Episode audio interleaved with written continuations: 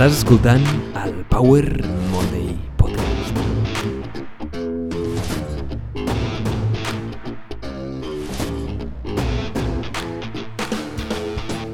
Benvinguts al Power Monday Podcast, sóc en Pau, el teu apassionat de fitness, inspiració i ciència i estic molt agraït de que estiguis escoltant aquest episodi. En aquest episodi parlarem de dos temes super importants. En primer lloc, parlarem una mica de la riquesa per part de Henry David Thoreau. I en segon lloc, parlarem d'una tècnica que utilitzen moltes empreses, el greenwashing, i quina part de veritat existeix darrere la teva petjada de carboni. Tot això avui, així que som-hi! Wealth is the ability to fully experience life. La riquesa és l'habilitat d'experimentar la vida completament. Aquesta frase és de l'autor Henry David Thoreau. Henry David Thoreau. No sé si era francès, en realitat era americà, però no sé com es pronuncia el seu cognom. Així que anem a analitzar què vol dir això. La riquesa no es mesura pels diners que tens, no es mesura amb el teu estatus, no es mesura amb la quantitat d'objectes que possueixes. Per Thoreau i molts altres filòsofs, la riquesa és la capacitat d'experimentar la vida completament, gaudir, agrair cada instant i veure intensament les possibilitats que t'ha ofert la vida amb les seves circumstàncies. Viure la teva vida al màxim. Curiosament, escollim vides que no ens agraden per aconseguir diners amb els quals comprem coses materials que ens allunyen del veritable sentit de l'existència. La pau interior i estar bé i estar agraït amb la nostra presència en aquest planeta. Ara mateix, en molts casos, les comoditats que ens ofereix la vida civilitzada, industrialitzada i capitalista no ens compensen, perquè suposen més aviat una càrrega i una pèrdua de llibertat respecte a l'objectiu real de la vida, que és experimentar-la i trobar la pau interior. Llavors, anem a treballar per aconseguir coses, per aconseguir comprar-nos una casa, per aconseguir comprar-nos un cotxe, per poder anar més a la feina i seguir amb aquest cercle viciós d'insatisfacció que ens pot portar sovint a depressió, ansietat, malalties cròniques i una experiència de vida no adequada, una experiència en la que no estàs content amb la teva pròpia vida. La majoria tenim feines que odiem per comprar coses que realment no necessitem. Canviem el nostre temps, l'actiu més valuós de tots per qualsevol persona, per fer coses que no ens satisfan, per diners i per aconseguir coses que suposadament t'haurien de fer feliç, però que mai ho fan. Perquè la felicitat no es troba en aquest tipus de coses, sinó en una vida més senzilla, gratificant i més propera en el que ets tu verdaderament, un ésser humà. Tot i això, en el sistema actual, els diners són en realitat un multiplicador de possibilitats amb els que podem sobreviure amb més facilitat. Actualment, els diners et poden atorgar, irònicament, temps i llibertat per fer allò que desitges i potser experimentar algunes experiències que no podries viure de cap altra manera. La riquesa és l'habilitat d'experimentar la vida plenament. Però això no vol dir que no sàpigues utilitzar els diners. Potser el problema no està tant en els béns materials, en els diners o en els objectes, sinó amb la relació que tenim amb ells. Quan els nostres béns es converteixen en el fi i deixen de ser un medi per viure millor, Aquí és quan tenim un problema.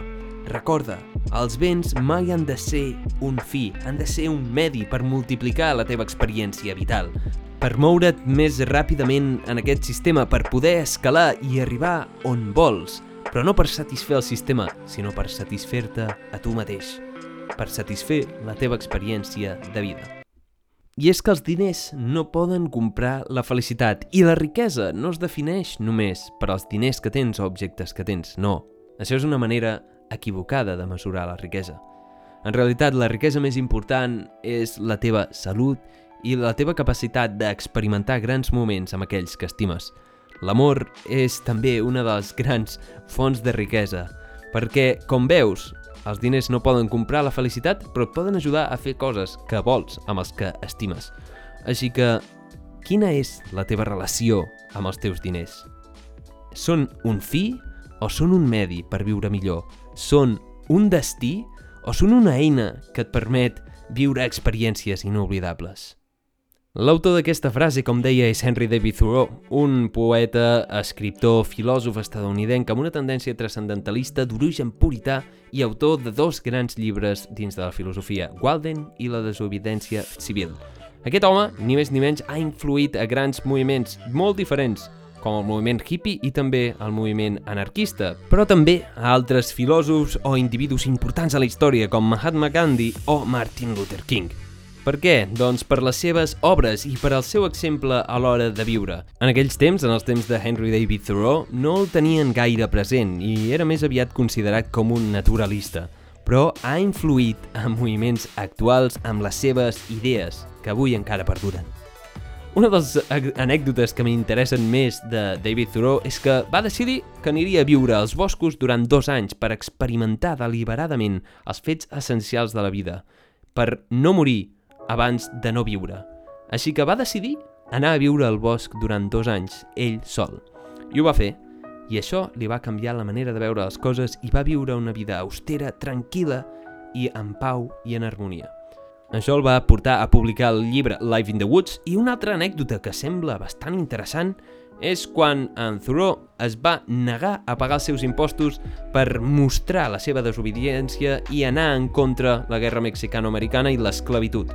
Llavors el van posar a la presó, on va estar una nit, però contra la seva voluntat, la seva tieta va pagar els seus impostos i el van deixar lliure. Amb aquesta estància, Thoreau va dir una frase molt important de desobediència civil i l'expressió de la desobediència com a reivindicació en contra la violència. Aquesta frase èpica de filosofia diu així Sota un govern que encarcela injustament a qualsevol persona, la casa d'un home honrat és la presó. Una frase que, sens dubtes, mereixeria un episodi sencer, però parlant de gent honrada, anem a veure la segona part d'aquest episodi, on parlarem de greenwashing. Pa, pa, pa, pa, pa, pa, pa, ei, ei, benvingut a la segona part d'aquest episodi. Probablement, en algun moment has fet algun qüestionari per calcular la teva empremta o petjada de carboni i de sorpresa amb el resultat. I, la veritat, contaminem més del que pensem. El concepte de petjada de carboni o petjada ecològica és una expressió quantificada de les emissions de gasos d'efecte hivernacle de les nostres activitats diàries. I quan jo el vaig fer, em vaig quedar de pasta de moniat, em vaig quedar al·lucinat amb el resultat. I és que pensava que feia les coses molt millor, i en realitat només estic una mica per sota la mitjana. Així i tot, em vaig sentir esgotat i impotent al veure el meu resultat. En l'era de la crisi climàtica vivim clarament per sobre de les nostres possibilitats, produint molt més del que pot aguantar aquest planeta. Però quan busquem solucions, és realment responsabilitat dels individus, responsabilitat nostra, aixecar tot aquest pes? Realment importen les teves accions? Realment importa la teva petjada ecològica? Primer de tot, anem als orígens. D'on ve el famós carbon, carbon footprint? Carbon footprint! Your carbon footprint is messing all around! My friend. No sé per què he posat un accent alemany-anglès. D'on ve el teu carbon footprint? On ve la teva petjada de carboni? Doncs bé, els creadors que van popularitzar la petjada de carboni són ni més ni menys que BP, British Petroleum. Sí, ho has sentit bé.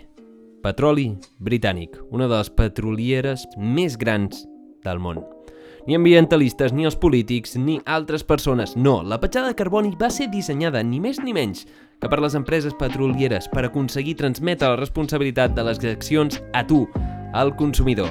Això és marketing, my friend, i és que lo de la petjada de carboni és una de les fites més importants del màrqueting i la propaganda que s'ha aconseguit en aquesta història. Les empreses petrolieres no els hi agrada gens això del canvi climàtic. Per tant, durant un temps, en realitat, el que feien les empreses, eh, sobretot del sector energia, era negar el canvi climàtic, ser uns negacionistes. Tot per treure's la responsabilitat i netejar el mal màrqueting. Però va arribar un moment en què les proves a favor de que el canvi climàtic era una realitat objectiva eren tan abundants que els petrolífers, les petrolíferes i totes les del sector energia van haver de fer un canvi, van haver de fer una transició. I en aquell moment va ser on algú va tenir la genial i increïble idea de crear el Carbon Footprint, de crear la teva petjada de carboni. És a dir, van fer d'una transició de negacionistes a passar-te directament la responsabilitat a tu, al consumidor. Llavors, aquestes empreses tan intel·ligents com BP, el que van fer va ser assenyalar la gent, però en realitat el que sabem és que, agafa't bé, només 100 empreses són responsables del 71% de les emissions globals de gas d'efecte hivernacle. 100 empreses responsables del 71% d'emissions globals. I adivina qui està en la llista? Les grans petrolieres com BP o British Petroleum – Curiosament, aquesta eh, propaganda o màrqueting que van fer amb la petjada ecològica, on feien anuncis i bàsicament culpaven al consumidor de no reduir el seu consum, van causar eh, que les persones es preocupessin, però van causar alhora un increment de ventes per part de Pipí. Així que aquest màrqueting que utilitzen, en el que promouen l'ús d'energies renovables, en el que promouen que la gent utilitzi menys el petroli en teoria, però sent una empresa que et ven petroli, eh, causa un efecte contrari, perquè inverteixen molt en màrqueting i també inverteixen molt en derrogar les lleis que van en contra de l'ús de petroli. Llavors aquest és el seu joc i com que tenen molts diners, s'ho poden permetre. Llavors, aquest és un dels exemples de greenwashing. Què és el greenwashing o rentat d'imatge en verd? És l'acció d'una empresa o un govern o organisme d'utilitzar el màrqueting per promoure la percepció de que els seus productes o objectius polítics són respectuosos amb el medi ambient, el canvi climàtic, quan en realitat funciona de manera oposada.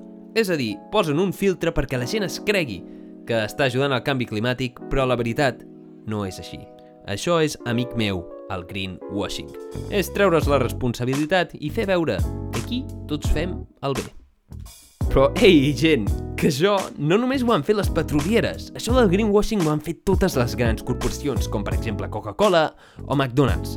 Coca-Cola, per exemple, va fer una gran campanya de màrqueting per incentivar el reciclatge de plàstics, mentre augmentava la seva producció de plàstics, donant la responsabilitat a la gent a tirar a la paperera el plàstic on tocava i dient que així es reciclava. Però sabem que el plàstic en realitat no es pot reciclar gaire bé i menys del 30% es recicla. Per tant, tenim més i més abocadors.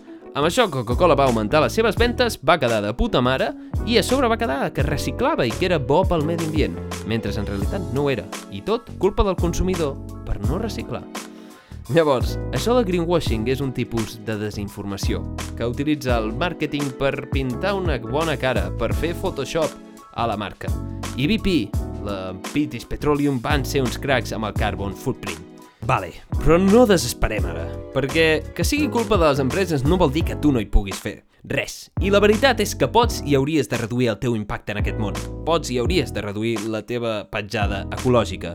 I pots i hauries d'estar orgullós de fer-ho. Però el problema de la petjada ecològica és que per un ciutadà en un país desenvolupat és impossible solucionar aquest problema, perquè gran part de la petjada de carboni està fora del nostre control, com l'ús es fa en construccions, les construccions, el transport públic, els serveis que produeixen emissions, l'ús de petroli per mantenir el sistema. Per tant, està en el nostre poder, en realitat, pressionar les grans corporacions amb el que comprem i amb el que votem, pressionar corporacions, empreses i polítics perquè facin ells el canvi col·lectiu. Recorda, el canvi és sistèmic. Per tant, en una realitat sistèmica, un efecte individual té poc impacte, però no el menys tinguem, perquè el teu impacte és teu i has d'estar orgullós del teu impacte. Però no deixis que això et faci de greenwashing. No deixis que amb el màrqueting t'enganyin i et facin creure que estàs fent un bé per al món quan en realitat és una desinformació que t'indueix a comprar el seu producte. Normalment, les grans empreses fan greenwashing, així que sigues conscient, analitza, informa't bé i utilitza el teu millor poder, el poder de comprar amb els teus vots i amb els teus diners allò que és important. Cada compra és un vot i cada vot compta i cada acció ens fa moure un pas endavant. Llavors planteja't a què dones suport amb les teves accions. I sigues conscient de que les empreses utilitzen greenwashing. És a dir, es posen una mica un filtre d'Instagram perquè vegis que són guapos, quan en realitat són satanàs. Són satanàs en persona.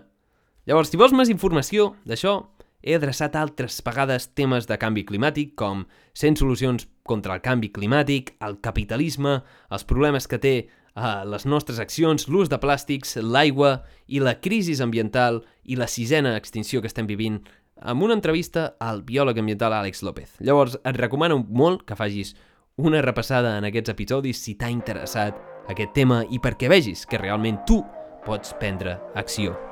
I això és tot per aquest episodi. Moltíssimes gràcies per haver escoltat aquest episodi. Espero que hagis après molt o t'hagi aportat una mica de valor. Recorda, si t'ha agradat, si us plau, comparteix això amb els teus amics, envia-ho a alguna persona que creguis que li agrada, posa'm un me gusta a Spotify, em pots posar follow o fes el que puguis en la plataforma que m'escoltis. En aquest episodi hem parlat de la riquesa verdadera, que és la capacitat d'experimentar la vida al màxim, però també l'ús dels nostres diners com una eina i com un medi ens poden permetre viure millor si deixem d'utilitzar-los com un fi. I en la segona part hem parlat de la petjada ecològica, com és fruit de la propaganda de les petrolieres i com tu, amb les teves accions, pots comprar i dictaminar què fas, però està a mans de les grans corporacions fer els grans canvis, perquè el 70% de les emissions provenen de només 100 empreses.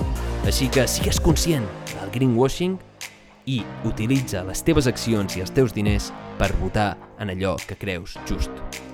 A què dones suport amb les teves accions? Això és tot. Com sempre, et desitjo una setmana èpica, increïble, brutal, que aprenguis moltíssim i que visquis l'experiència vital al màxim. I com sempre, ens veiem en el pròxim episodi.